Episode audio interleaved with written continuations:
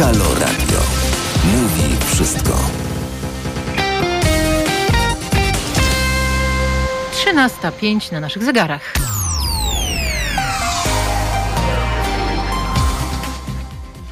I słuchajcie, kartka z kalendarza. Najpierw sobie wydrzemy, kto dziś ma imieniny. Bogdan, Bogodan, Bohdan, wszelkie odmiany. Jan Józef, Leoncjusz, Marceli, Marcel, Marek, Narcyz i Sybilina. Pięknie to brzmi, naprawdę wszystkim składamy najserdeczniejsze życzenia, przede wszystkim pogody ducha i pogody na zewnątrz. A co się ciekawego, ciekawego dzieje na świecie? Słuchajcie, dziś tak oryginalnie chcę podpowiedzieć Wam, że w Australii mamy Narodowy Dzień Harmonii, w Hiszpanii Dzień Ojca, u nas w czerwcu jeszcze troszkę i Święto Ognia. A w Polsce mamy Dzień Jedności Kaszubów od 2004 roku na pamiątkę pierwszej pisemnej wzmianki o Kaszubach z 19 marca 1238 roku. Co dalej? Dzień Ojca również we Włoszech. A jeżeli chodzi o takie ciekawe, słuchajcie, e, wydarzenia, no to myślę, że warto wspomnieć 1920 rok. Józef Piłsudski został pierwszym marszałkiem Polski. A teraz 1922 rok, oficjalna data powstania klubu piłkarskiego Lech Poznań, wówczas pod nazwą Lutnia Dębiec. No mnie boli serce jako warszawianki, ale warto o tym powiedzieć i być po prostu sprawiedliwym.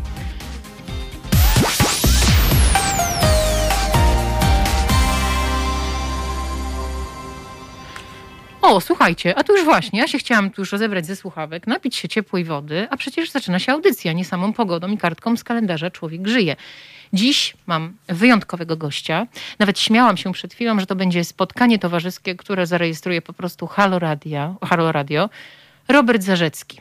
Człowiek po prostu, który jest y, żywym materiałem na film, ale zaraz, zaraz, film już powstał.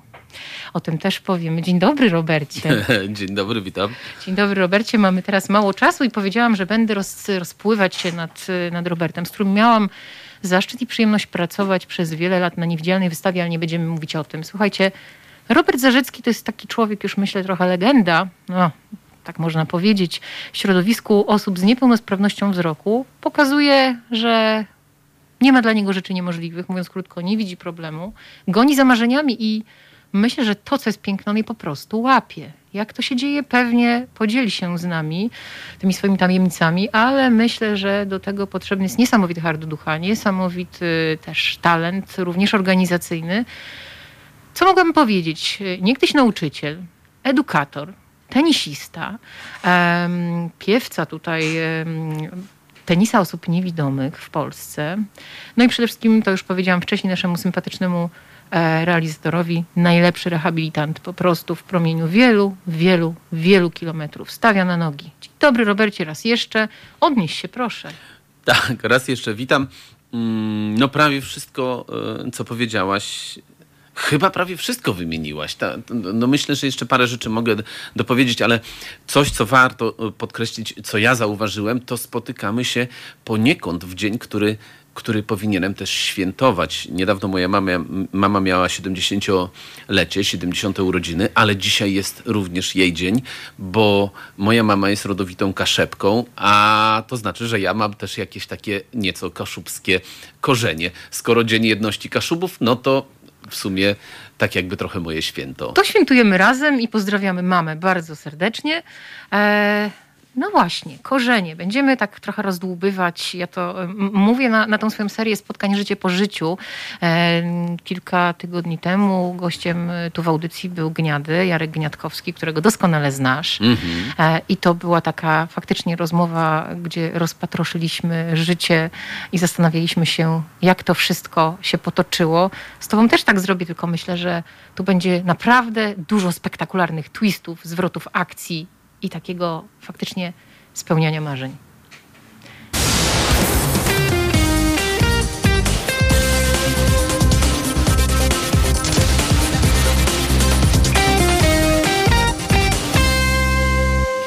Wracamy po krótkiej przerwie, gdzie oni są, ci wszyscy nasi przyjaciele. Robert pozwolił sobie na taką na taki smutny komentarz, oby nie w szpitalu. Dbajmy o siebie, słuchajcie, dbajmy o siebie. E, ja mówię to już jako ozdrowieńczyni, a kolega Robert zaszczepiony, więc dziś mamy taki sympatyczny zestaw. Bezpieczny przede Bezpieczny zestaw, tak. dokładnie. Drogi realizatorze, jesteś bezpieczny z nami. Słuchajcie, Robert Zarzecki, osoba niewidoma, a właściwie słabowidząca na tyle, że już możemy mówić o tobie osoba niewidoma, prawda, Robercie? Jak to tam no, jest? tak mi się wydaje. To znaczy, jak na niewidomego, to, to jak zwykłem mawiać, widzę całkiem nieźle, ale jak na widzącego, to już właściwie niewiele. Mm, no teoretycznie jestem y, niewidomy w świetle prawa, w świetle y, różnych tutaj naszych instytucjonalnych y, oznaczeń i, i przypisów do człowieka. Natomiast w różnych takich dyscyplinach, na przykład w tenisie, o którym wspomniałaś, się okazuje, że nie, nie jestem niewidomy i nie mogę grać z niewidomymi. Do tego wrócimy, bo to jest bardzo ciekawy wątek. Nie, sam, nie tylko sam tenis osób niewidomych, ale właśnie te wszystkie e, kruczki, luki, e, twisty i tak dalej, i tak dalej. Słuchajcie, to miało zostać powiedziane i nie powiedziałam tego wcześniej. No przecież y, po osobie, z którą siedzę, wcale nie widać, że jest niewidoma, prawda? O tym też już rozmawialiśmy w naszych audycjach y, Tacy Sami wielokrotnie, a ja o tym po prostu zapomniałam powiedzieć, bo przebywanie z Robertem jest dla mnie absolutnie naturalną sytuacją, ale to, czego jeszcze nie powiedziałam, słuchajcie, Robert jest fantastycznym ojcem. I to jest też bardzo ważne. Też o tym rozmawialiśmy trochę w przerwie, e, jak teraz wraz ze swoim synem Gabrysiem e, wraca do miejsc, które są dla niego ważne. To jest przepiękna historia, słuchajcie, i do niej też wrócimy, bo w oparciu o tę niezwykłą relację ojca i syna powstał film Niebo bez gwiazd. Zgadza się? Tak, tak, polecam. E, złośliwi mawiają, że to jeden z e, fajniejszych dokumentów zrobionych w ostatnich e, czasach. że nieskromnie. Nie, no, jest zrobiony dobrze. Bardzo nam zależało mi i, i, i reżyserce Kasi Dąbkowskiej, bardzo nam zależało na tym, żeby film pokazywał człowieka, pokazywał relacje ludzkie. Nie pokazywał przede wszystkim osoby niepełnosprawnej, nie heroizował mnie jako, jako niepełnosprawnego człowieka, nie pokazywał jak wiele ja potrafię, jak to jest niesamowite, że, że nie widzę, a jednak prawą ręką do lewego ucha sięgnę i potrafię się tam podrapać w ogóle. Tylko film chciał pokazać, e, miał pokazać e, takie relacje ojca i syna, relacje, które w ostatnich czasach na szczęście chyba wracają, ale przez wiele lat miałem takie wrażenie, że, że relacje w ogóle ojcowskie z dziećmi się zatarły, że ojciec jednak praca, jednak kierat, w domu mama i, i takie stereotypowe podejście. Mm, no i my chcieliśmy pokazać, że, że są takie relacje, y, może unikatowe, może już nie, ale, ale zdarzają się. No i też bardzo, bardzo unikaliśmy y, takiej postawy, żeby y, nie daj Boże roz tak e, rozczulić się, rozpłakać bez, bez się. patosu takiego. Tak, nad na tym biednym niepełnosprawnym. Nie? To, tam ta niepełnosprawność po prostu nam towarzyszy, bo jest i tyle. Ja pamiętam, jak poznaliśmy się, Gabryś miał ile? Dwa i pół roku chyba mniej więcej. Tak, mniej więcej. No. no. to było niesamowite naprawdę. I też jest ważne, że kiedy faktycznie nasze ścieżki się Robert skrzyżowały, to ty bardzo, bardzo mocno walczyłeś sam ze sobą. Ja pamiętam, jak wrzeszczałam na ciebie, że nie będę cię zdrapywać z placu Zawiszy. E, krzyczałam o białą laskę, bojąc się, no ja jak jako kwoka naczelna e, zawsze miałam takie uczucie towarzyszące, że kurczę, no warto jednak sygnalizować. Ale wiem, że to jest e, rzecz, która towarzyszy wielu osobom, które przechodzą na ciemną stronę mocy, nazwijmy to w ten sposób. Pamiętasz jeszcze ten czas, czy to już się zaciera? Wiesz co, ja ten czas bardzo mocno pamiętam. To jest taki czas, kiedy ja już zaczynamy o tym rozmawiać i ja czuję ciarki na całym ciele. Ciar, ciarki takiego trochę załamania, wzruszenia, trochę takiej, o już mi się głos załamuje. Dobrze, wypatroszymy cię, wspaniale. Bo ja doskonale pamiętam ten moment, kiedy byłem w pracy. Tam jeszcze było tak, że, że e, nie było pełnego obłożenia i pamiętam, że zapytałem... Mówimy o niewidzialnej wystawie. Tak jest, teraz. o niewidzialnej. I zapytałem się, czy mogę wyskoczyć tam jakieś dwie godziny. Miałem spraw do załatwienia na mieście szybko. I pojechałem. Oczywiście wtedy chodziłem bez białej laski. E, bez białej laski, dlatego że ja pracowałem wtedy, jak pamiętasz, i na niewidzialnej, i w szkole. Dokładnie. I w szkole nie bardzo chciałem pokazywać, y, że, że już nie widzę. Na tyle, y, y, sam przed sobą też się nie chciałem przyznać, ale też przed dziećmi, przed rodzicami i wielu z nich do samego końca nie wiedziało, dlaczego rezygnuje z pracy w szkole tak naprawdę. E, I pamiętam, że wtedy po, pojechałem właśnie w Warszawie pozałatwiać kilka spraw i tu wiadomo centrum, tu trochę na, na powierzchni, trochę w podziemiach chodziłem i to, no, no, moje oko ma tak, że nie bardzo, zanim ja wyjdę z podziemi, to ono nie zdąży się już nastawić na te y, y, odbieranie świata w ciemności tam w podziemiach. I ja nie pamiętam, w ciągu dwóch godzin 40 razy może, może nawet więcej. Usłyszałem na początek rozmowy jakiejkolwiek pytanie, co jest, ślepy jesteś? I za którymś momentem już to się przelało. Ja już wiedziałem, że co chwila wpadam na ludzi, bo ich nie widzę. I ja pamiętam ten moment, jak wstanąłem u ciebie y, w, biurze i mówię, Gosia potrzebuje białej naski, potrzebuje pożyczyć. Nie? I, I od tamtej pory właściwie nie ruszam się bez białej naski. I jest ci z nim całkiem do twarzy i chyba się przyzwyczaiłeś już, co? Nie masz już z tym problemu. Tak, tak. Ja wiem, w których momentach ją można doskonale też wykorzystać, umówmy się szczerze. Jak to ostatnio powiedział jeden pan, y, z który, który robił ze mną badania mm, odnośnie dostępności, y, to jest taka strategia radzenia sobie. No więc ja tę strategię doskonale wykorzystuję. A wróćmy proszę jeszcze do twoich czasów szkolnych. Nie mówię o, czasów, o, o czasach twojego, e, twojej nauki, ale właśnie o, o czasach twojego uczenia e, dzieciaków dzieciaków, bardzo wyjątkowych dzieciaków i w ogóle dosyć wyjątkowego środowiska. Jak to pamiętasz? Jak, jak, jak, jak można się maskować? Jak, jak to jest? Wiesz co, y, jeśli ktoś oglądał film y, Carte Blanche, to jest mniej więcej podobna historia. Ja oglądałem ten film i sobie mówię, y, tak sobie myślałem, Boże, do, do, dokładnie te same triki stosowałem w szkole. Jak szukałem klucza do pomieszczeń, w których ja pracowałem, których, y, które ja użytkowałem, typu, nie wiem, y, sala multimedialna, coś. Ja pamiętałem, że ten klucz powinien być w tym konkretnym miejscu i to jest jedyny klucz, który ma raczej formę kwadratową, a nie okrągłą z, z kółeczkiem. I tak, I tak macałem w tej szafce wszystkie klucze. Oczywiście tam sekretarka chciała mi pomóc, wiele razy gdzieś tam się zrywali. Ja mówiłem, że nie, że sobie poradzę e, już pod koniec pracy, bo na początku to jeszcze ogarniałem.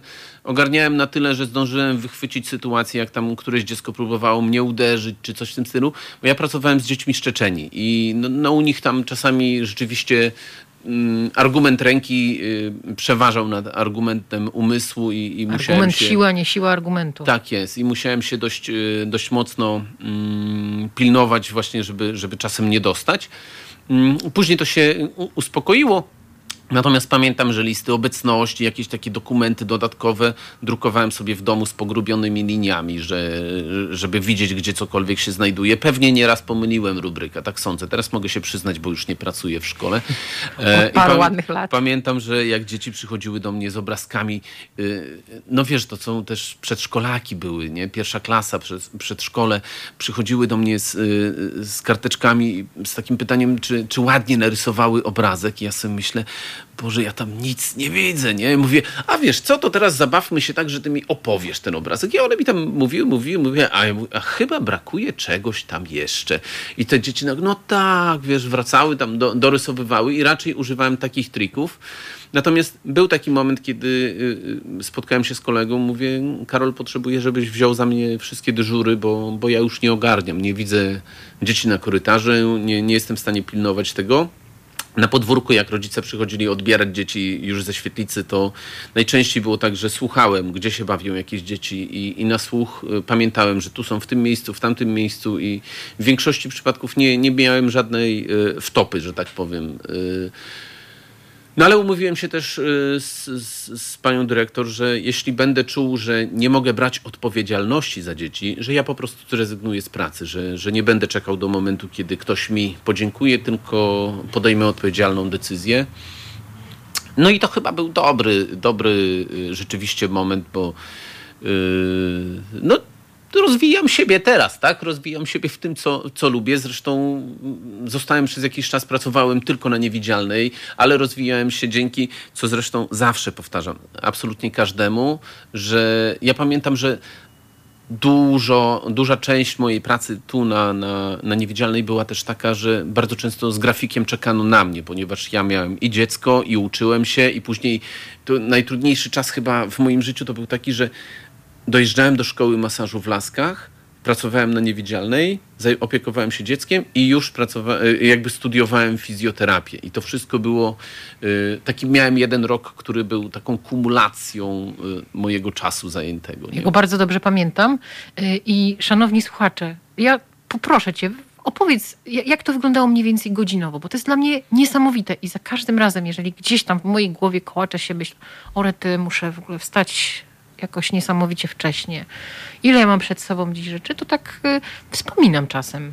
ten twój grafik. I to mi tak szybciutko stawia do pionu. Godzinowo to wygląda, jako że ja nie mieszkam w Warszawie i wiesz, mieszkam z drugiej strony Warszawy niż yy, Izabelin czy Laski, Dokładnie. to żeby, żeby móc dojechać do Laski, do Lasek na, na 8 rano do szkoły, wstawałem mniej więcej 4.40, piąta z minutami, 5.10 chyba, o 5 wychodziłem z domu, o 5.10 miałem pociąg. Do Warszawy, centrum, metro, Młociny, autobus Laski, półtora kilometra do Jabłonek do szkoły, pieszo, no i wracałem, po drodze odbierałem syna, syn już wiedział, że ja po prostu jestem tak wykończony, że w pewnym momencie w pociągu odcinało mnie na 3-4 stacje, musiałem zasnąć, ale on już się A Gabryś miał wtedy koło pięciu lat chyba, tak? Myślę, że miał Czterech? mnie, czekaj, raz, dwa, trzy, no tak, koło, koło czterech miał, Mhm. bo ja go z przedszkola odbierałem y, na pewno z Karmelickiej. On 2009 się urodził, a, a to przecież był 2012-13 13. rok tak, Mhm. na, tak naprawdę, nie? Więc y, on już pamiętał, że, że tata musi zasnąć i na te trzy, tak trzy stacje potrzebowałem na regenerację, mniej więcej 15 minut snu. I, no a czasem było tak, że dojeżdżałem do lasek, oczywiście rano, z części zajęć, jako że byłem po studiach, byłem zwolniony. Wracałem, godzina, najczęściej godzina 13-14 na niewidzialną, do 20, 21.30 w domu i 4.40 z powrotem już taki mi się przypomina fragment z polskiego filmu któregoś, o, e, tak, czy, czy z kabaretu, jak to ma facet e, w sumie dobrze, bo on nawet nie musi się kłaść spać. Nie? Nierzadko dojeżdżałeś na niewidzialną z Gabrysiem zresztą. No zdarzało się, że, tak. dojeżdż, że dojeżdżałem z Gabrysiem i tam czekał ze mną, aż przyjedzie po niego Basia, żeby go... Ja go odbierałem z przedszkola, a Basia go później odbierała z niewidzialnej do, do domu, nie? Także jeżeli ktoś chciałby ponarzekać na swój grafik i na swoje wczesne wstawanie, późne kładzenie się spać, to warto przypomnieć sobie dokładnie, dokładnie ten e, przykład. I myślę sobie, że e, to właśnie był ten czas, kiedy ścierałeś się sam ze sobą, więc to, do tego dochodzi jeszcze jakieś obciążenie. Wiesz co, ja pamiętam, że ja wtedy jak dojeżdżałem do tych lasek, to obserwowałem z miesiąca, no może tak w, w, z kwartału na kwartał, o, jak bardzo mi się pogarsza wzrok. Moi koledzy y, ze szkoły w Laskach, to były dwa lata nauki, oni mi powiedzieli, że w momencie, kiedy przyszedłem do szkoły, widziałem o niebo lepiej niż w momencie, kiedy szkołę kończyłem. To był taki dla mnie chyba najtrudniejszy, najtrudniejszy moment. Ale wrócę na chwilę do tego narzekania, bo to to nie, ja nawet chyba wtedy nie, nie przypominam sobie, żebym ja narzekał na to, że Nie. tak mam. Po prostu Znaczy, ja wiem, działałem. że- tak. To było na zasadzie, ktoś mnie nakręcił, jest motorek, muszę to zrobić. I teraz z perspektywy czasu też raczej nie narzekam. Ja z perspektywy czasu myślę sobie, dobrze, że dojeżdżałem, bo ten czas w pociągu, rano, w metrze, w autobusie, to był czas, kiedy ja mogłem tak naprawdę realnie się uczyć, bo w domu albo już nie miałem siły, albo zajmowałem się dzieckiem, domem. No, no jakby wiadomo, w domu wszystko to, co jest w domu, czego nie masz w mieszkaniu do zrobienia, typu opał, ogrzewanie i tak dalej, no to ktoś musi to robić, nie? No i zazwyczaj to się wszystko udawało. I do tego tematu wrócimy po krótkiej przerwie.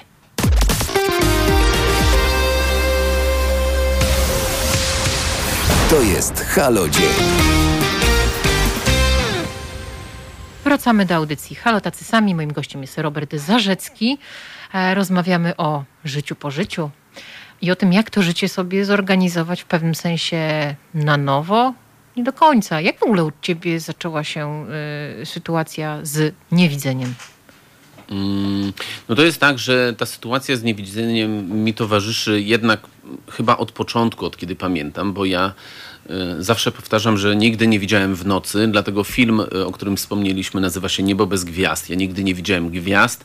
Pamiętam, że jak chodziłem do, do szkoły masowej, jeszcze tak do piątej klasy chodziłem do szkoły masowej, to jak miałem zmiany popołudniowe, to żeby trafić do mojego domu, wychodziłem, szedłem za kolegami przez ulicę, rękę kładłem na siatkę i po prostu liczyłem, że to musi być, nie wiem, tam piąta, szósta brama, y, w którą mam skręcić, żeby trafić do odpowiedniego bloku czy do odpowiedniego tam y, podwórka.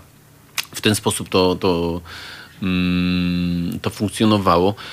A teraz, wiesz, ja tak myślę sobie, że od y, 10 niemal lat y, jestem już na takiej równi pochyłej, po, po, powolutku spadam, ale to wciąż cały czas się bronię rękami, nogami, żeby nie powiedzieć, że to już jest ten etap niewidzenia, nie? Bo ja jeszcze widzę, jeszcze w nocy zobaczę światła, jeszcze zobaczę nadjeżdżający samochód, jeszcze zobaczę, nie wiem, latarnie przy ulicy, które się świecą i one naprawdę to, to jest w ogóle śmieszna sytuacja, bo jak wynajmowaliśmy dom, czy teraz jak y, mieszkamy tam w, w, w, Michalczewie, to pierwsza rzecz, na którą ja zwracam uwagi, u, uwagę, jak idę, to jak są ustawione lampy przy ulicy, żeby wiedzieć, w którym momencie. Ja teraz wiem, że na przykład dwie drogi, którymi idę, łączą się ze sobą między czwartą a piątą lampą, która świeci na peronie. I tyle. Ja nie patrzę pod nogi, nie sprawdzam tego, co się dzieje, tylko idę i liczę lampy, czy już powinienem y, się przygotować do jakby y, złapania zakrętu, czy, czy jeszcze nie. I jakby to są dla mnie ważne rzeczy, których jeszcze się trzymam. Jak jadę do siebie do domu, to, to ludzie też, też, bardzo często zastanawiają się, jak to jest, że ja nie widzę, ale wiem, która to jest stacja. A ja po prostu jadę i patrzę na układ lamp, który jest y, jakby obok stacji, na ulicy czy, czy w jakiejś tam miejscowości. I po konkretnym układzie lamp jestem w stanie powiedzieć, która to jest miejscowość. Hmm. Dajesz radę. Nie da się ukryć. Ja jeszcze pamiętam, y, i to jest wielokrotnie przypominane y, przez naszych sympatyków, że Robert to jest ten, który chodził po torach z dzieckiem. Zresztą chyba właśnie to zdjęcie jest ilustracją do, do, do tak, to, to, to jest, wiesz co, no ja oczywiście, że chodziłem po torach, głównie dlatego, że y, my mamy dom w lesie i większość drogi do, do naszego domu, takiej dojazdowej, mm, jest, była zalana po kolana niemalże wodą. I najprostszą formą, bo jak dopóki jeszcze widziałem, jak kupiliśmy ten, no, to tam chodziłem sobie taką drogą leśną dookoła. Natomiast jak już zacząłem tracić wzrok, to najprostsza droga do mnie do domu to jednak tory kolejowe. Liczyłem sobie podkłady, przy szynie trzymałem laskę jak łazuka w filmie Nie lubię poniedziałków i wędrowałem do domu. I teraz jakby teraz jest remont e, linii kolejowej relacji Warszawa-Radom, wszystko jest cacy, Michalczew, tu zrobione super perony, super tory, wszystko fajnie. Ja, wiesz, piszę do jednych, burmistrz Warki obiecał mi, że e, zadziała w, w, tej kwestii, żeby zrobiono mi drogę jakby przy naszych posesjach, bo tam nie jest kwestia tylko mnie, ale też jeszcze y, kilku innych osób, żeby zrobiono, no to jest droga przy torach, więc techniczna, mogłaby być, super fajna.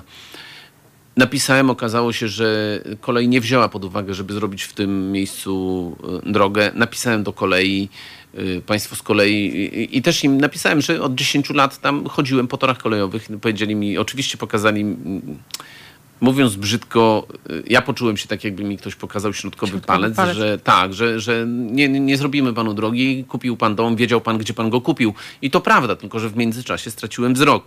Tak naprawdę. I to jest zwyczajnie ludzka sprawa, dla mnie przynajmniej. Przy miliardowej inwestycji wydać 5 czy 50 tysięcy więcej na to, żeby zrobić 500 metrów drogi, naprawdę nie jest żaden kłopot, moim zdaniem. Kwestia ludzkiej chęci i, i wrażliwości, no ale rozumiem, że, że ja mam sobie radzić jak sobie radziłem. Być może dobrze, bo nie będą mi się samochody koło domu kręcić. Zawsze znajdujesz jakiś jasny punkcik i to jest naprawdę niesamowite. A teraz sobie myślę, e, że chciałabym Cię podpytać właśnie o tą Twoją mm, drogę do cudów niewidów, czyli Twojego własnego, wypieszczonego drugiego dziecka. Ach, tak. Tak. E, zresztą już o tym rozmawialiśmy, prawda? To wczesne wstawanie nie było Mm, tylko i wyłącznie czystą zajawką. Mhm. Tylko wymyśliłeś sobie w pewnym momencie, że będziesz masował.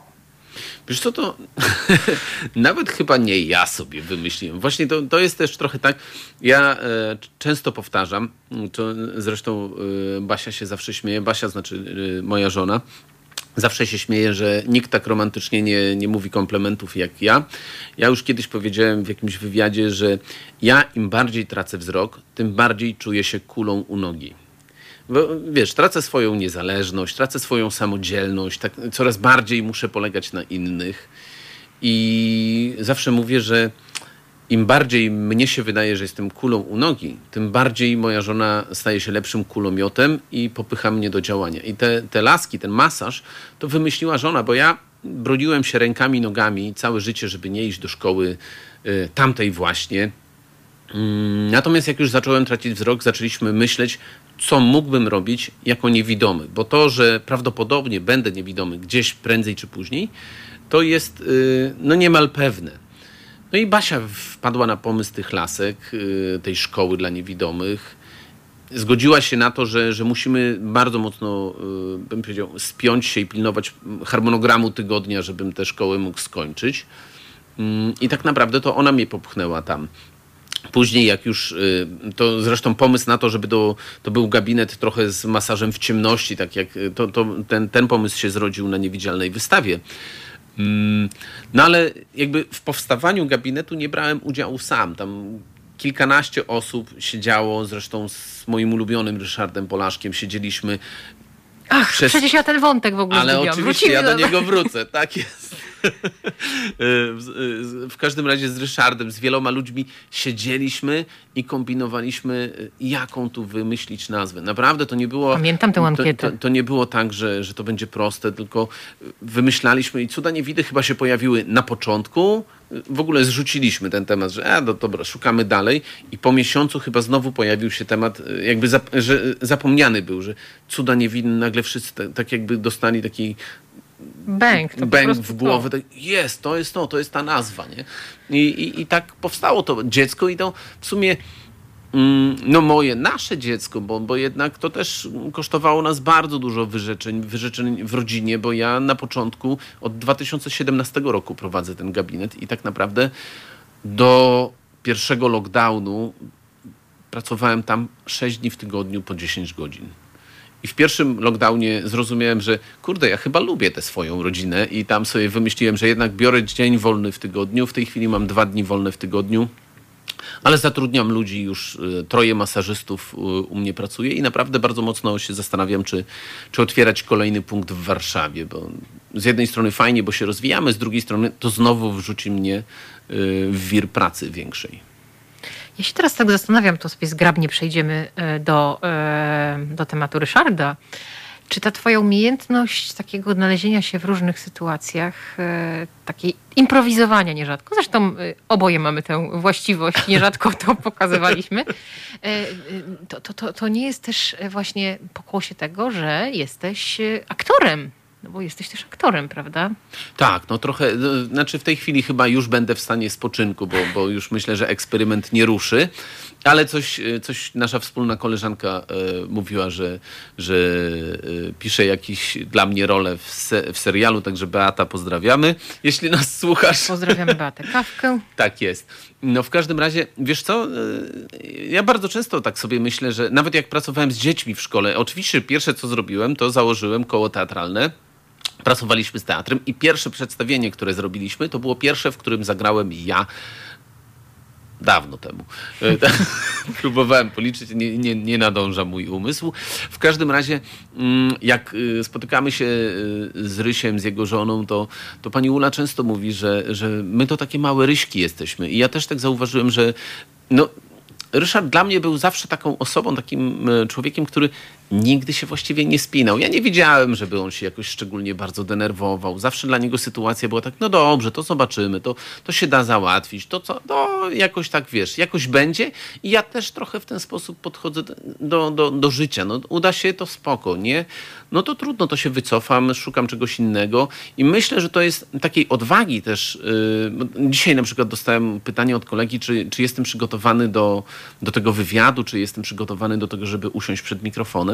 Ja mówię, że no ale ja idę na rozmowę, nie? No to zwykła rozmowa, to nie, nie, nie jest jakiś wywiad, nie wiem, śledczy przed policją, tylko siadam i, i mówię, no niczego nie wymyślę, co tu się przygotowywać. Myślę, że w ogóle nie... niesamowitym komfortem jest to, że my się znamy. Tak. I znamy się bardzo dobrze, więc y, nie musimy tutaj błądzić. To nie jest wywiad tak, po tak. Ja też powiedziałem, że, że to chyba będzie zupełnie inny wywiad niż do tej pory były, bo Małgorzata wie o mnie więcej niż przeciętny dziennikarz, który ze mną robi wywiad po prostu.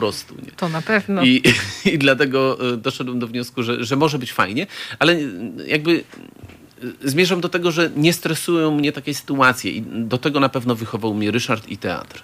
Właśnie, Ryszard, który bo to widzisz, to jest taka pułapka, jak my się znamy, to my A, rozmawiamy my wiemy, o kto to jest Ryszard. No dokładnie. No właśnie.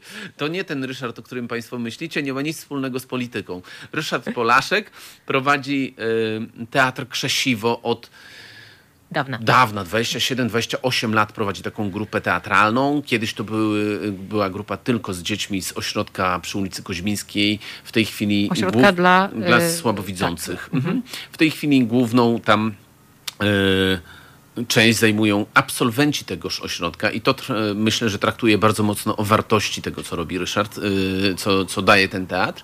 Ale ja miałem przyjemność e, grać niedawno w sztuce eksperyment i przyznam szczerze, że bardzo e, taka wymowna dla mnie była, było przedstawienie, gdzie w jednym z gdyńskich kościołów zrobił ksiądz. y, W, głównej sali kościoła była sala teatralna, tam występowaliśmy. To było ostatnie przedstawienie dla publiczności.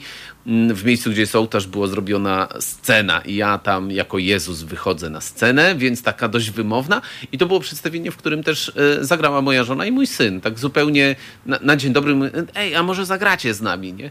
No i pojawili się na scenie. Jak eksperyment, to eksperyment, Jak prawda? Oczywiście, że tak. Faktycznie y, działalność Teatru Krzesiwo to naprawdę kawał, kawał historii. Nie chciałabym tutaj tak popłynąć polskiego teatru, ale to jest naprawdę piękna historia i to pokazuje, że nie ma tak naprawdę ograniczeń, tak? jeżeli chodzi o jakąś taką ekspresję e, i, i, tworzenie kultury, bo, bo o tym też tutaj często mówimy w naszej audycji, tak? kultury wokół i z osobami z niepełnosprawnościami. Dwie minuty, tak, tutaj pokazuje nasz sympatyczny kolega. To A, mówię dwie, tobie, no to- tak, żebyś wiedział, jak się Rozumiem, rozwinąć. Dobra. E, Dobrze. No wiesz co, jeżeli chodzi w ogóle tak naprawdę o, o, o- krzesiwo, tak, jeżeli możemy y, jeszcze tutaj wspomnieć, no to ja sobie myślę, że i, i to też często powtarzam, że to, kim jestem teraz, to, co sobą reprezentuję, to jest głównie zasługa Ryszarda, ale też wychowawców właśnie z internatu, bo, bo trzeba pamiętać, że ja zostałem, y, że tak powiem, oddany, skierowany do internatu, jak miałem 12 lat i tak naprawdę moją y, osobowość, mój, moje, y, mnie całego kształtował internat, kształtowali wychowawcy, Helenka Nadolna, Ryszard Polaszek, Stanisław Sitnik. To byli ludzie, którzy mieli największy chyba wpływ w to, kim jestem i, i co potrafię też, y, ja- jak potrafię się odnaleźć w sytuacji. Ja miałem ogromnego farta, że urodziłem się mm, w takim okresie, w jakim się urodziłem, jeżeli mówimy o, o moją rodzinę, tak, bo, bo mam też y, braci słabowidzących, którzy są starsi ode mnie, byli w różnych ośrodkach, ale to zupełnie inny, inna epoka, jeżeli chodzi o, o podejście do, do wiedzy, do edukacji, do rozwoju człowieka. Wiesz, o czym sobie pomyślałam teraz? Kiedyś internet, dzisiaj internet. Tak kształtujemy młode pokolenie.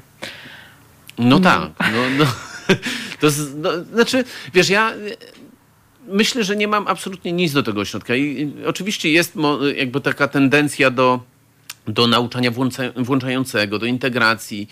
Mm, mnie się podobało z perspektywy czasu, mówię, mnie się bardzo podobał ten czas i uważam, że bardzo mocno mnie rozwinął. No i tego się trzymajmy. A teraz czas na króciutką przerwę.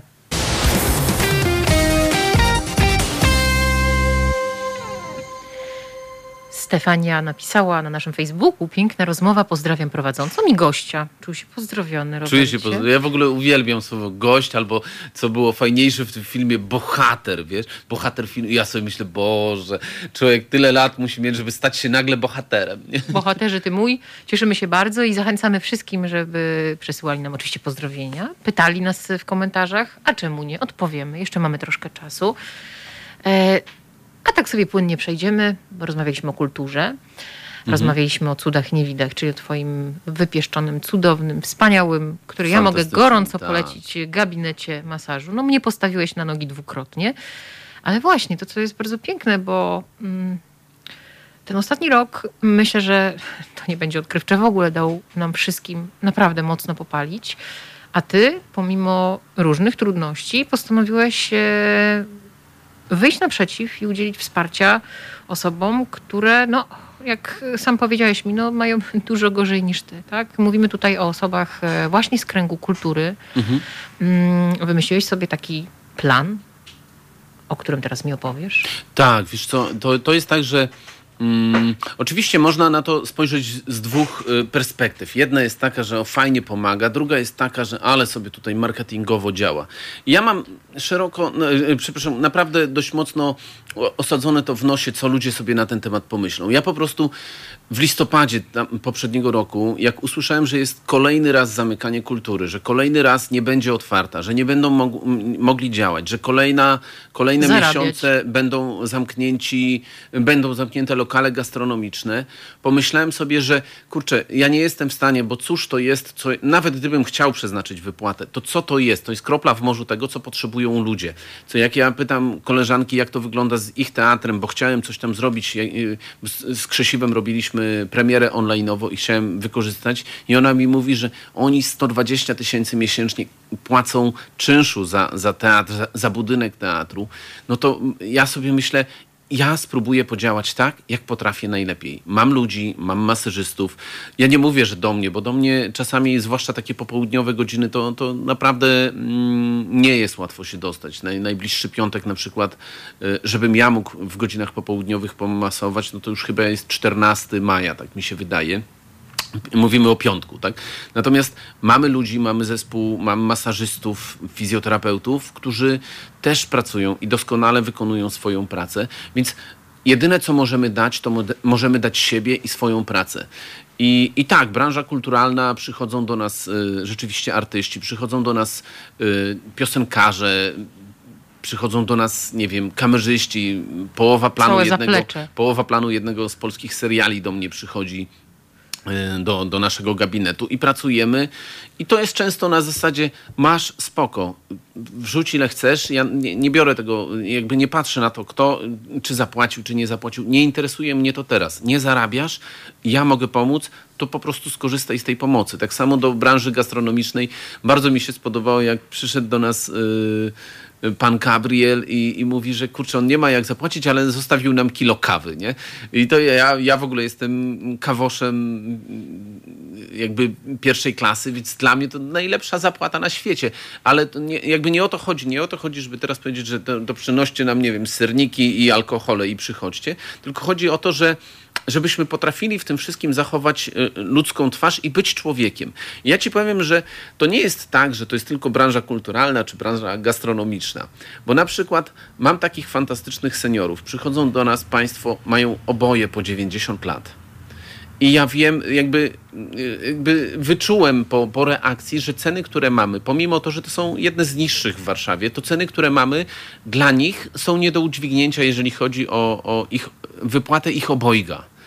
I ja, i, i, wiesz, ja słyszę, jak on mówi, że ja fajnie by było, żebym jego żonę masował, bo ona potrzebuje. Ja z nią pracuję, a ona mi mówi, że ten jej mąż to tak bardzo potrzebuje mojej pracy. I ja sobie myślę, Boże, ja idę do niego, ustalamy wizyty. Ja mówię, proszę pana, ale żona by chciała, żeby pan też korzystał z masaży. I on, nie, najpierw żona, coś. Ja myślę, ja wiem, że chodzi o forsę. Po prostu widzę, że, że to nie jest ta emerytura, którą możemy sobie pozwolić na przeznaczenie, na, na takie rzeczy. I mówię do niego, wie pan co, to przychodźcie po prostu, ustalmy, jaka dla pana będzie cena ok, czy, czy będzie, nie wiem, 100 zł w porządku, czy, czy 120, bo też nie chciałbym, żeby to było tak, że zupełnie jest za darmo, bo, bo y, lubię, jak ludzie szanują rzeczy, które mają, po prostu. Mm, no i ustaliliśmy, że tam będą przychodzili za, i płacili 100 zł, ale w tym czasie pracowaliśmy z obojkiem. Ja z jego żoną, y, kolega z pracy pracował z panem i, i przychodzą, przychodzą do nas oboje. Jak nie będą mieli, to też ich przyjmiemy, bo ja sobie myślę, y, y, jak tak pracowałem z nią i zaczęła opowiadać, i jak zobaczyłem ich czułość nawzajem, ja się popłakałem nad tą, nad, nad tą panią, wzruszyłem się bardzo tym, jak, jak, jacy oni są dla siebie kochający i opiekuńczy. I ja sobie pomyślałem, że moja rola w tej chwili jest taka, żeby tym ludziom jak najbardziej pomóc i sprawić, żeby końcówka ich życia była jedną z piękniejszych chwil w tym życiu. Że jeżeli mogę, to zrobić wszystko, żeby docenić to, że, że są z nami. I tyle. Nie znam ich zupełnie, po prostu przychodzą. Ale no co ja zrobię z pieniędzmi? No nawet gdyby mi zapłacili tysiące, to po co mi to? No właśnie, trzeba potrafić się dzielić. Ja sobie tak e, jeszcze szybko, bo, bo mamy dosłownie pół minutki, e, pomyślałam sobie o tym, że ja sama uczyłam się kiedyś, chyba ci na to tym mówiłam. E, chodziłam do szkoły masażu, tam gdzieś między jednymi a drugimi studiami wymyśliłam sobie coś takiego i po pół roku stwierdziłam, A niech to szlak. Tego się trzeba naprawdę solidnie nauczyć, jeżeli chcemy to robić na poważnie, jeżeli nie chcemy robić krzywdy drugiej osobie. Więc jeżeli ktoś uważa, że. E, dlaczego to mówię? Ja, ja ten pomysł porzuciłam bardzo dobrze. Jesteśmy teraz w tym miejscu, w którym jesteśmy, tak miało być. Ale jeżeli ktoś uważa, że jest to marketing, czysta życzliwość i serdeczność i pomoc, no to chciałabym, żeby taka osoba stanęła przy tym łóżku i pomasowała chociaż 5 minut takiego całkiem zacnej postury jego mościa i zobaczyła, jaka to jest ciężka praca. Ale jaka fantastyczna. To prawda. No dobrze, wracamy po przerwie. Halo Radio. Mówi wszystko. Patrzę na zegarek. 14.05.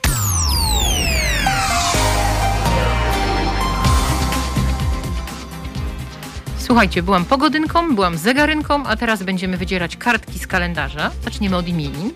I dziś obchodzą imieniny Bogdan, Bogodan, nie wiedziałam, że takie imię w ogóle jest, Bohdan, Jan, Józef, Leoncjusz, Marceli, Marcel, Marek, Narcyz i Sybilina. Brzmi nieźle. Wszystkiego najpiękniejszego, pogody ducha, pogody na zewnątrz i po prostu spełnienia marzeń, moi drodzy. Tymczasem, jeżeli chodzi o kartkę z kalendarza, dziś robimy sobie taki wojaż po świecie. W Australii Narodowy Dzień Harmonii. Harmonia bardzo ważna rzecz.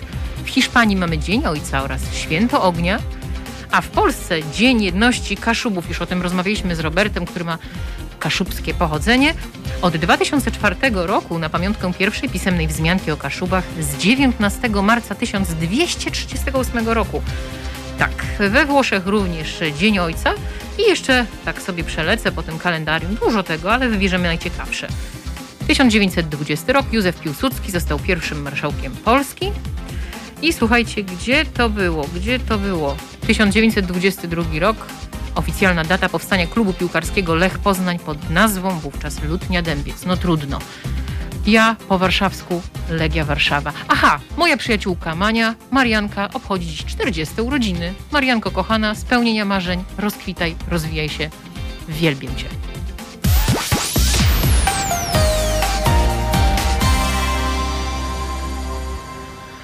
A nasz bohater, uwielbiamy to słowo, Ach, nasz bohater, bohater, to jest tak, właśnie to. tak, tak, za miesiąc też będzie miał czterdziestkę. No właśnie, Manię, Manię widziałem raz, pozdrawiam. No właśnie, więc może się przyłączyć.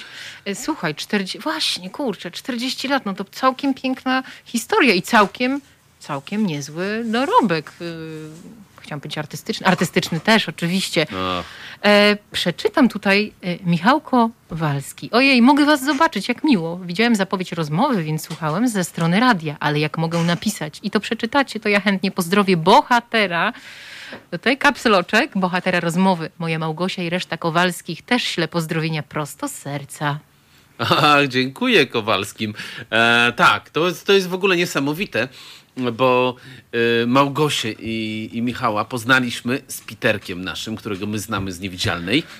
Jak wracaliśmy z Woodstocku, w pociągu z Woodstocku ich poznaliśmy i trochę się z nimi tam, gdzieś tam się nasze ścieżki fajnie e, e, rzeczywiście splatają. Czasami e, zdarzyło się, że Michał z nami wyruszył na regaty, popłynął ze mną w mojej załodze na, e, na dezetach. Właśnie, o tym też trzeba powiedzieć. To Ależ to godzin nam brakuje. Wiem, no właśnie. Mamy tutaj mało czasu, ale myślę, że możemy sobie przez dwie minutki na ten temat powiedzieć. Bo ty oprócz tego jeszcze mało ci tych emocji, mało ci tych wszystkich wrażeń, to sobie pływasz.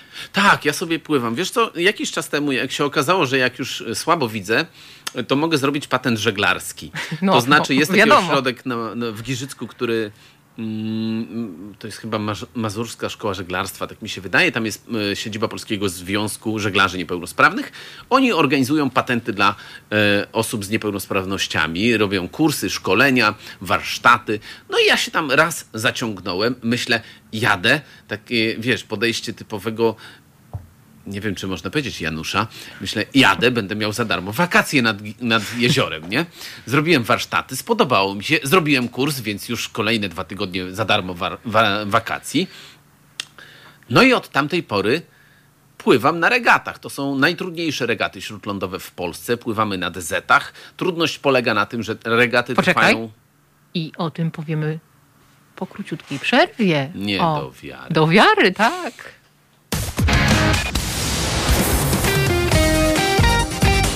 Halo Radio. Mówi wszystko. Kontynuując wątek, trudność tych, tych regat polega na tym, że trwają 24 godziny bez wysiadania z łódki. I najśmieszniej to się płynie wtedy, kiedy y, na przykład ja jako niewidomy zupełnie, no, no w nocy jestem niewidomy po dwakroć, trzymam ster i próbujemy y, sobie płynąć na, na żaglach, czy no ostatnie dwa lata to w ogóle płyniemy tylko na wiosłach, więc mamy dużo więcej kąpania się w wodzie po prostu i przyjemności. A jak to z toaletą bywa na takich y, regatach? N- 24 No jak godziny? to na łódce, jak są żagle, to bardziej bym powiedział intymnie, bo się człowiek za żaglem schowa i, i jakoś da radę. A co sprytniejszy, po prostu wskakują do wody, no i, i, tyle. Warto o tym powiedzieć, bo to jest bardzo, bardzo ciekawe. E, Dawid y, pozdrawia nas e, i ciebie, i O. mnie. I my pozdrawiamy Dawida, Dawida, z całego tak. serduszka, ściskamy. Słuchajcie, no to płynnie tak, przeszliśmy od takich bardziej dramatycznych ym, sytuacji w twoim życiu, potem ta nauka, praca edukatora na niewidzialnej wystawie. Wymyśliłeś sobie pomysł na siebie, na biznes wraz z żoną Basią, żeby nie było, że to tylko twoje dzieło, twojego potężnego umysłu. No nie, nie, nie. To znaczy ona jest potężnym umysłem moim i, i to jest dzieło, tak. Tak, dokładnie. E, Było trochę kultury, to teraz sport, no właśnie.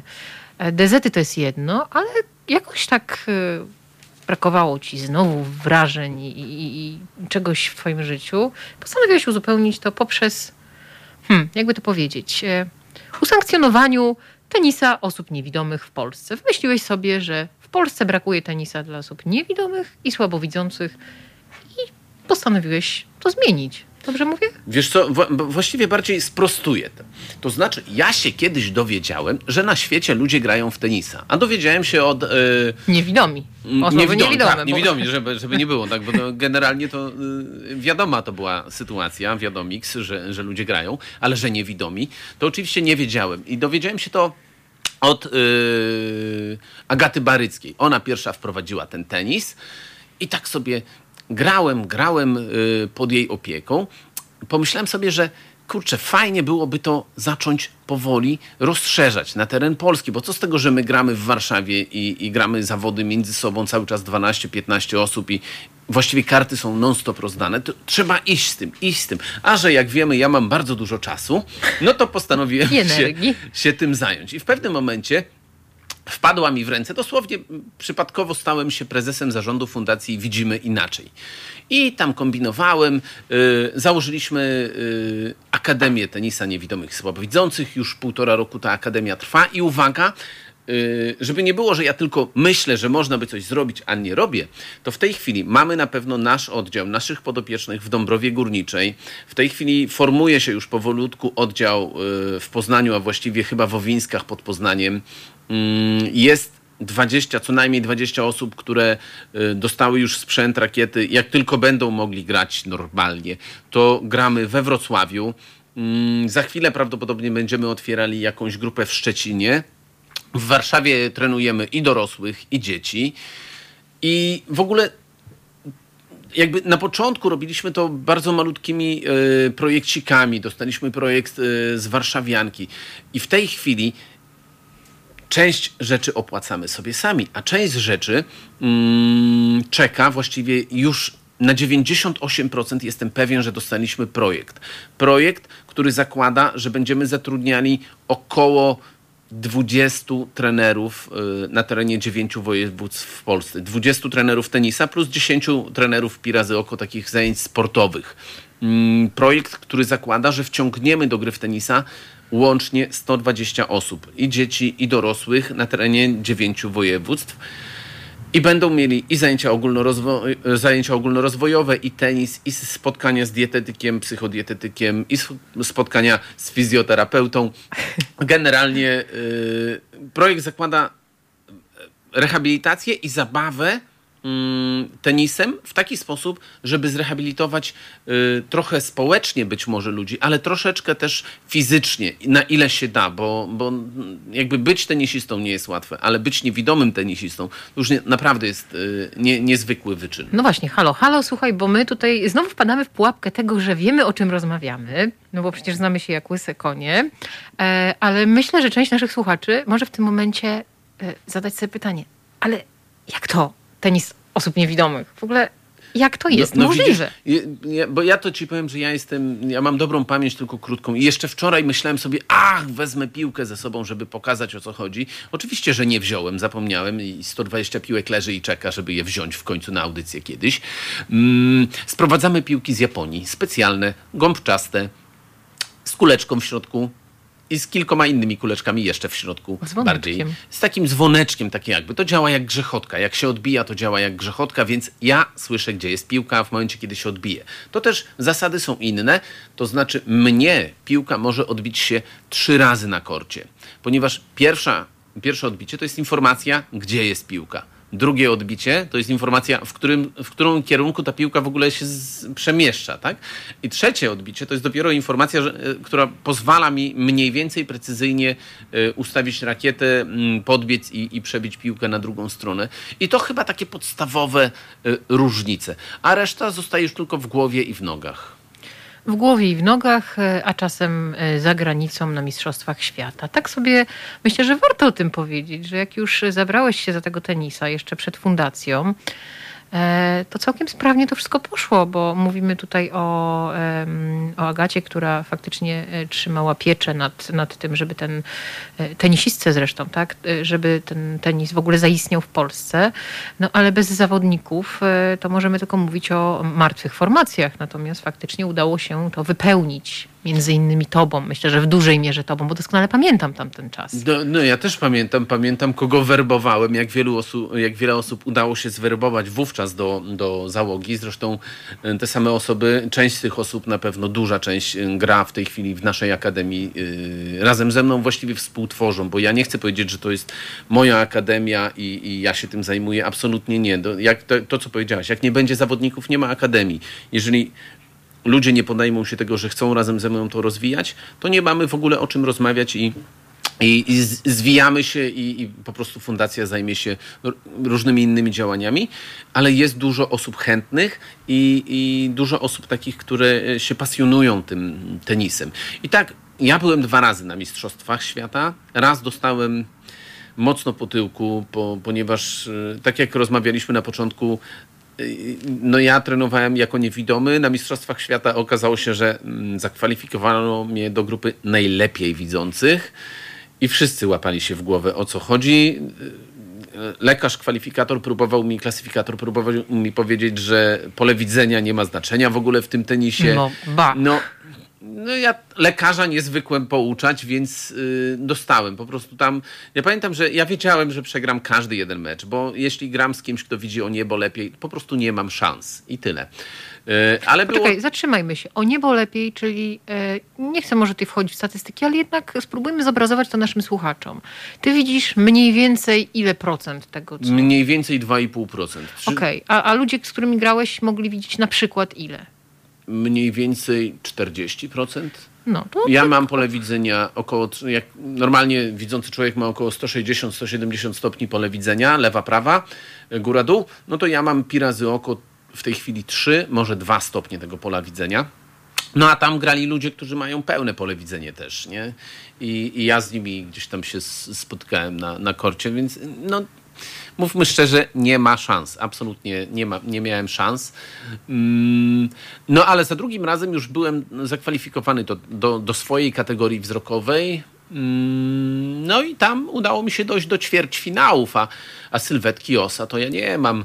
Więc myślę sobie, że moi podobieczni, a mam takiego chłopca, e, chłopa, no w tej chwili to już mężczyzny, Adama, Adam, e, chłopak z Dąbrowy Górniczej, w tej chwili jest we Wrocławiu. Postanowiłem, że jeśli się nie uda, jeśli mi projekt jakimś cudem nie przejdzie, to ja zainwestuję własne pieniądze w rozwój tego chłopaka, bo to jest moim zdaniem e, przyszły mistrz świata, jeżeli chodzi o tenis dla słabowidzących. Fantastycznie ułożoną rękę, fantastycznie radzi sobie na korcie. Trzeba mu jeszcze ułożyć głowę, jak wchodzą emocje i będzie po prostu cudownie grał. No i zresztą wyhaczyliśmy też, e, udało nam się e, złapać jeszcze jedną osobę, e, taką panią z Wrocławia, która też moim zdaniem w swojej kategorii, czyli wśród niewidomych, no, ma szansę na mistrzostwo. No, i, i, i będę robił wszystko, żeby dla, dla nich na pewno znaleźć fundusze na trenowanie. Czyli jesteś też takim trochę mecenasem sportu, można powiedzieć? No wiesz, można by powiedzieć, że piszemy karty historii, jeżeli chodzi o tę dyscyplinę sportu w Polsce. No właśnie, jak się z tym czujesz? Ja się w ogóle czuję dobrze y, w rzeczach, które mogę robić, y, y, rzeczy nowe, które są do zrobienia. Czasami jest tak, że, że te rzeczy nie podobają mi się gdzieś tam po angielsku, wychodzę z nich i zajmuję się czymś innym, ale bardzo lubię być taką maszyną napędową. I tak samo było z gabinetem, tak samo jest z, z, fundacją. Ja się cieszę, że mam te dwie rzeczy. To jakbym miał dwie gałęzi, gałęzie swojej jakby aktywności zawodowej. I to jest dla mnie fajne, bo nie mam też takiego marazmu i monotonii. Ja nie, nie muszę się martwić tym, że każdy dzień będzie wyglądał tak samo, no bo nie będzie, bo y, w tej chwili dość mocno y, organizujemy się, żebyśmy mogli trenować, żeby y, zorganizować tych ludzi, bo, bo tak naprawdę jeszcze nie mam pewności, czy, czy takiej stuprocentowej, stuprocentowej, czy mm, dostaniemy pieniądze, czy dostaniemy tyle, ile, na ile zawnioskowaliśmy, a na bardzo dużo zawnioskowaliśmy i jest szansa, że tyle dostaniemy.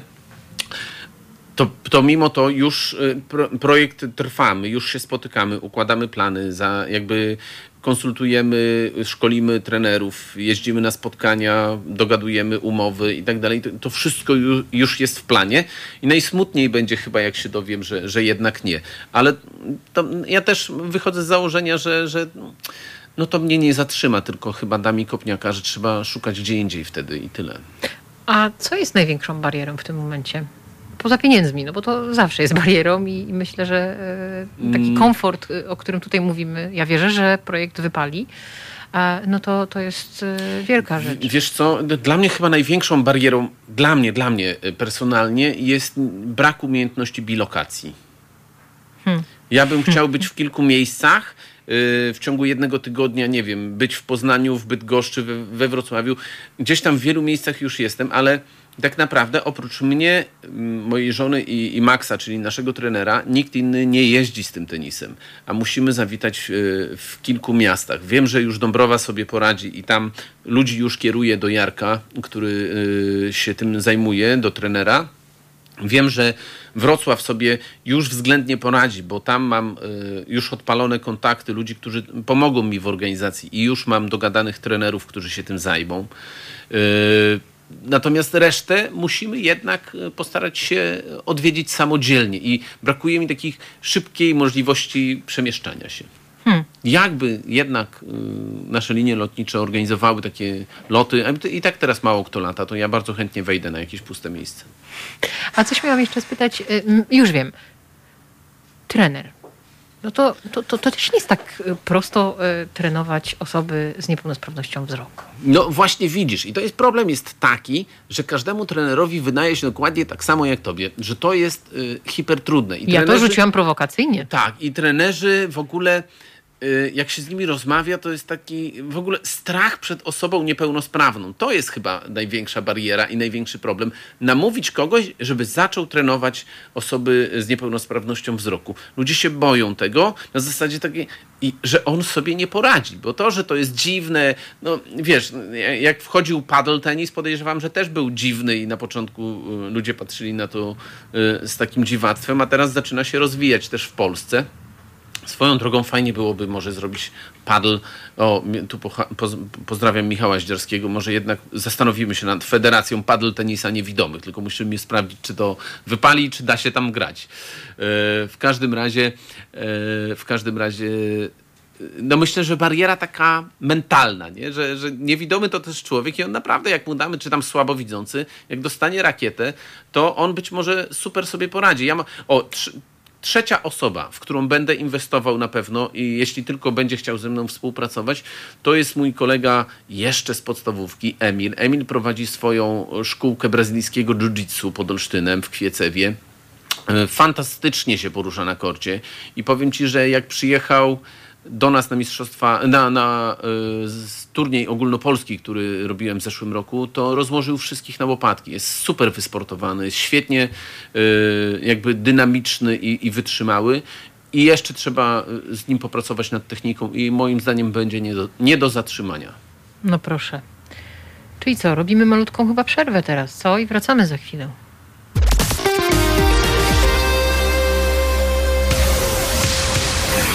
To jest Halo Dzień w Halo Radio.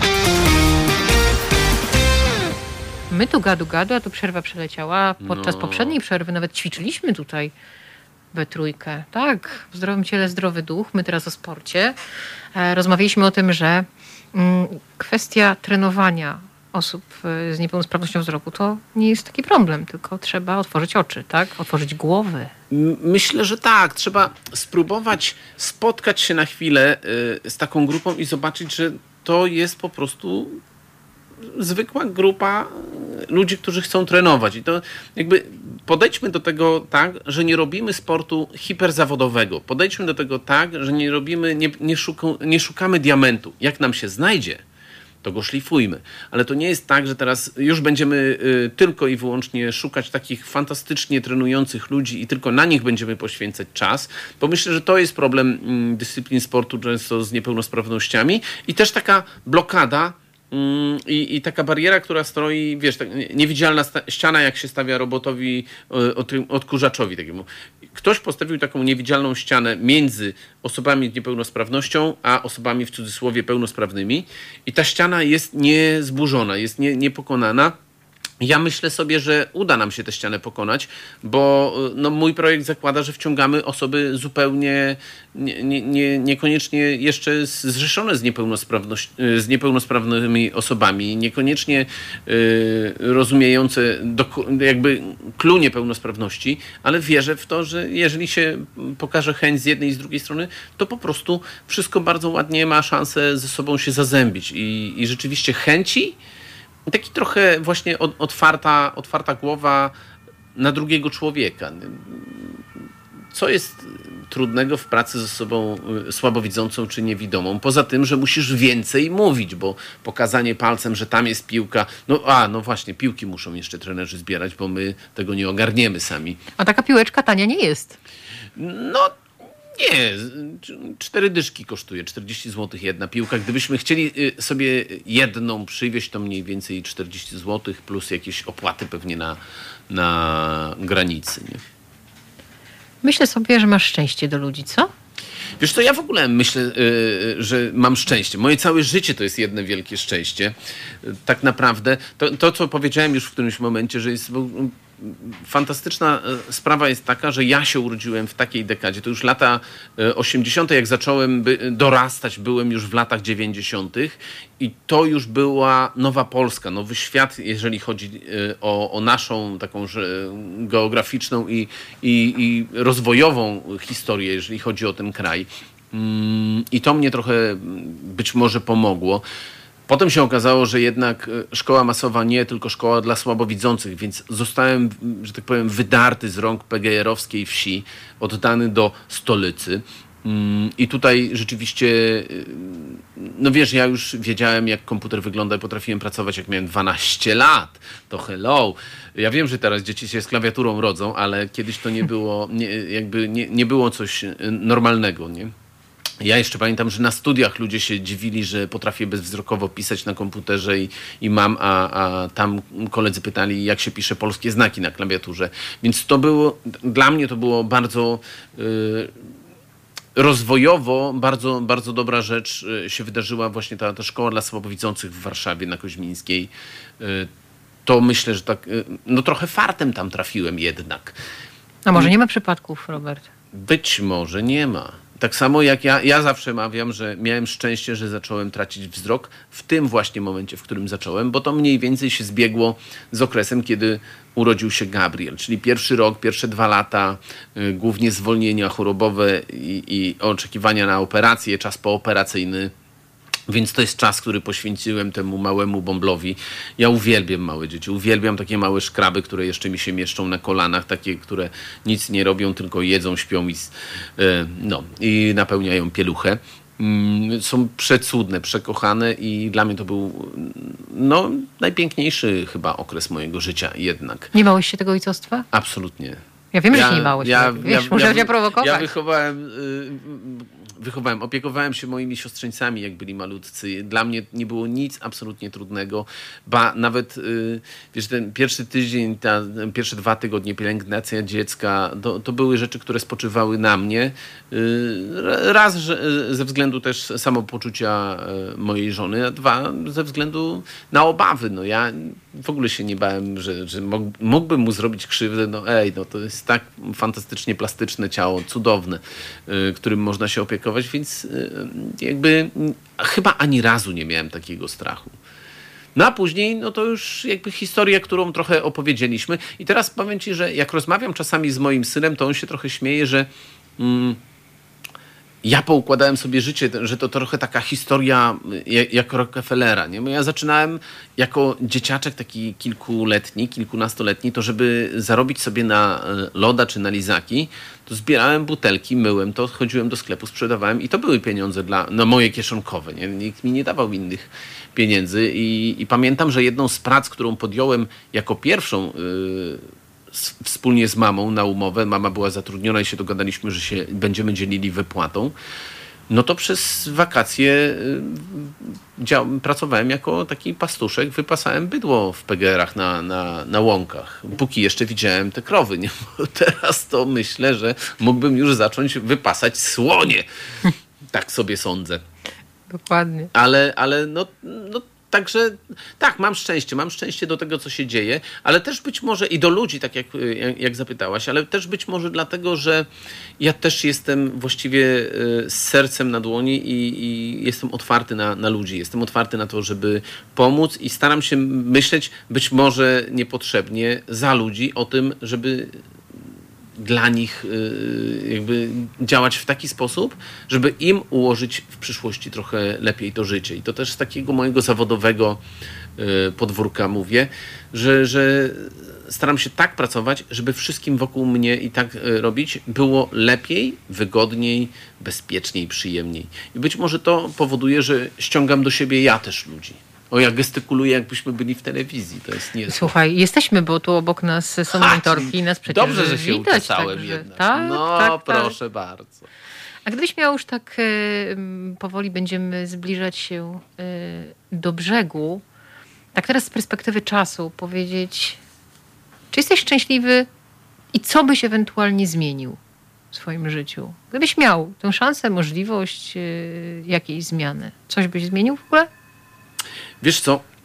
Ja to tak. Jeżeli chodzi o pier pierwszy człon tego pytania, czy jestem szczęśliwy? Tak, jestem szczęśliwy, czuję się absolutnie szczęśliwy, absolutnie spełniony. Wydaje mi się, że jestem w miejscu, y, w którym chciałbym być, y, o którym nie wiedziałem jako dwudziestoletni facet, ale tak teraz myślę sobie, że, że to jest to, co powinienem robić, czyli pomagać innym ludziom, bo to robię i jako fundacja, jako prezes zarządu fundacji i jako właściciel gabinetu y, masażu, fizjoterapii, cuda nie widzę, tak? Pomaganie ludziom to jest to, co mnie kręci, rzeczywiście. Mm, wychodzenie naprzeciw y, innym. Czy mógłbym coś zmienić? To jest trudne pytanie, bo myślę, że wielu słuchaczy oczekiwałoby odpowiedzi tak, chciałbym widzieć. A ja sobie, zresztą powtarzam to wielokrotnie, że wszystko, co mam, mam dzięki temu, że nie widzę tak naprawdę.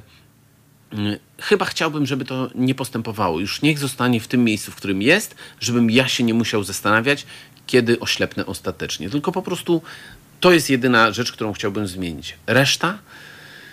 Mm, no, no, reszta jest taka, jaką sobie stworzyłem, więc yy, chyba nie mogę mieć do tego pretensji. Myślę, że nawet nie ma o co mieć pretensji, bo to wszystko układa się naprawdę przepiękny scenariusz. No, taka jest prawda. Myślę, że takich życiorysów nie ma dużo, ale to wynika z tego, i to jest już moja refleksja, na którą mogę sobie pozwolić ze względu na to, że znamy się bardzo długo. A w tobie jest coś takiego, taka charyzma, której myślę, że y, której ludzie mogą ci pozazdrościć nawet y, padło takie stwierdzenie tutaj, y, jak rozmawialiśmy o tym, mm, o tej twojej akcji pomocowej dla mm, osób, które e, działają w kulturze.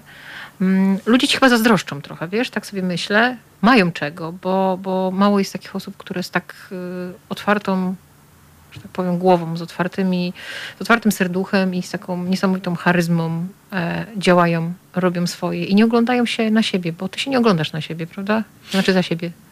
No, chyba nie bardzo. Nie? Raczej staram się nie, nie podchodzić refleksyjnie, nie, nie, roz, nie rozmyślać nad tym, co już było y, tak naprawdę. Nie, to jest czas, który minął, być może słusznie minął, być może nie, ale i, i nie ma co y, do tego wracać czy zostawać w tym danym miejscu. Zresztą obejrzysz się to, co zobaczysz. No niewiele. Tak. No, no to wiesz, ja poza tym, jak będę szedł i się obejrzę, to skąd mam pewność, że z przodu nie dostanę? Więc na wszelki wypadek się nie oglądam, idę e, przed siebie trochę jak torpeda, jak takie koło napędowe. I jeśli jest sprawa nie do załatwienia, jeśli jest, e, nie wiem, rzecz, którą trzeba rozkręcać, no to, to jest stanowisko dla mnie chyba. Nie? Że, że ja, ja wolę takie być napędem do czegoś.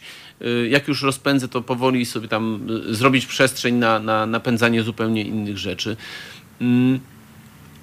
A czy wracanie do, do czegoś, wiesz, na zasadzie, nie wiem, czy ja tu powinienem zrobić tak, czy tak, czy y, zastanawianie się, czy to było dobre, czy nie. Po co mi to? Ja y, dzisiaj już jestem w innej rzeczywistości niż byłem wczoraj. Y, Jutro, jutro 20, jutro będziemy jeszcze w innej rzeczywistości niż byliśmy dzisiaj na przykład. Tak? No po, po chorobę wracać do tego, czy, czy ja się będę zastanawiał, czy dobre studia wybrałem, czy nie kilka lat temu. No, starałem się oczywiście dostać na miodową. Y, Stanąłem na egzaminie. Nie poznali się wówczas. Niech żałują. Co ja mam żałować? Przecież to, no ej, no, mógłbym zajmować teraz y, sceny najlepszych teatrów, deski y, najlepszych teatrów. Nie zajmowałbyś, bo zamknięte. Nie zajmowałbym, bo nie widzę. No i co ja bym biedny żuczek ze sobą zrobił, nie? Więc tak naprawdę po co nad tym się zastanawiać? Po co? Ja lepiej się zastanawiać nad tym, gdzie mam jeszcze wyjechać i czy uda mi się wyjechać na przykład. Patrzymy w przód. I co? Co widzisz, patrząc w przód? Ja Wiadomo, że widzę ogromne zmiany. y, y, Remonty, wycieczki, wyprawy. Trzeba na Islandię pojechać, póki jej jeszcze No nie ustalili. To jest w ogóle kraj, w którym ja jestem zakochany. Przecudny kraj. I jeśli ktoś chce, to zapraszam. Szykujemy im y, wyjazd na, z namiotami. I 400 tysięcy osób z nami pojedzie. No właśnie, właśnie, już tak naprawdę kończąc, bo czasu mamy już niewiele. Gdyby ktoś teraz e, po, tym naszym, po tej naszej rozmowie stwierdził, że chciałby cię poznać, chciałby cię znaleźć, chciałby się oddać w twoje ręce, albo na przykład e, nagle pomyślał sobie, hm, słabo widzę, chcę grać w tenisa, ten facet mnie przekonał. Gdzie cię szukać, gdzie cię znaleźć? To znaczy, ja myślę sobie, że mm, oczywiście, jeżeli chodzi o tenis, o działania takie stricte fundacyjne, to ja naprawdę polecam Facebooka i, i stronę fundacji Widzimy Inaczej. Fundacja widzimy inaczej. Tak, mail do nas to biuro małpa widzimy inaczej org.pl. Mm, A jeżeli chciałby się oddać mm, w moje ręce, dobre w nasze ręce. ręce, w dobre ręce, żeby się ktoś zaopiekował y, ciałem i duchem, to zapraszam Cuda Niewidy. Tak się nazywa nasz gabinet. E, No i też oczywiście wystarczy na Facebooku wpisać y, gabinet masażu Cuda Niewidy i już y, wyskoczymy my. Tak to, e, tak to wygląda. Natomiast no, jeśli ktoś potrzebuje szybkiego kontaktu i zapomni tych, no to ja się nazywam Robert Zarzecki i wystarczy po prostu na fejsie znaleźć. To, to nie jest jakiś prywatny. Ja mam bardzo publicznego Facebooka. Tam są treści chyba wszystkie, które chcę publikować i żadnej innej. Więc y, myślę, że spokojnie przez tego Facebooka, przez Messengera, zresztą bardzo często w zeszłym roku tak miałem, jak jechałem w Bieszczady, szybki wywiad, radio y, jakiś tam opublikowało ze mną materiał i nagle do mnie napisał chłopak, pozdrawiam Filip, y, spod Zagórza byliśmy, to jest chyba Kuźnia Skarbów, tak mi się wydaje, Wypaleni w ogniu, fundacja, zrobili mi warsztaty z kowalstwa. Dlatego mi, mówię, ty masz szczęście do To jest ludzi. niesamowite po prostu mm, to, co, to, co oni y, zrobili. Mam nadzieję, że niebawem uda nam się z tego zmontować filmik, żeby pokazać, bo za chwilę wakacje, ludzie ruszą w Bieszczady, więc na pewno do Filipa na warsztaty. O proszę. No i widzicie, I do to Agi. wszystko, i to No. wszystko wraca, bo Robert nie zapomina o ludziach, którzy pamiętają o nim. Moim gościem, fantastycznym gościem był Robert Zarzecki. I jakbym miała tak pokrótce opowiedzieć, no to ojciec, edukator, tenisista, Mąż. mąż. Oczywiście to zostawiłam specjalnie z pozdrowieniami dla Barbary na koniec, ale mi wszedłeś A, bez to jeszcze raz. Ojciec tenisy, tenisista, edukator. E, Kto tam jeszcze? Fizjoterapeuta, Podróżnik, fizjoterapeuta podróżnik aktor. żeglarz, aktor, Tak. e, e, e, Człowiek, który nie widzi problemu. Kolega. Dokładnie. E, I fantastyczny mąż równie fantastycznej Basi, którą bardzo serdecznie pozdrawiamy. pozdrawiamy. Było tak. miło spotkać się, naprawdę. Dziękujemy za piękną realizację. Pozdrawiamy naszych fantastycznych słuchaczy. Udostępniajcie tę audycję szeroko i. No, A ja bym chciał, żeby teraz każde nasze spotkania były nagrywane. To będzie dobre. No dobrze, no to co? Dziękujemy raz jeszcze. Ściskamy Dziękujemy pięknie, mocno. pozdrawiamy.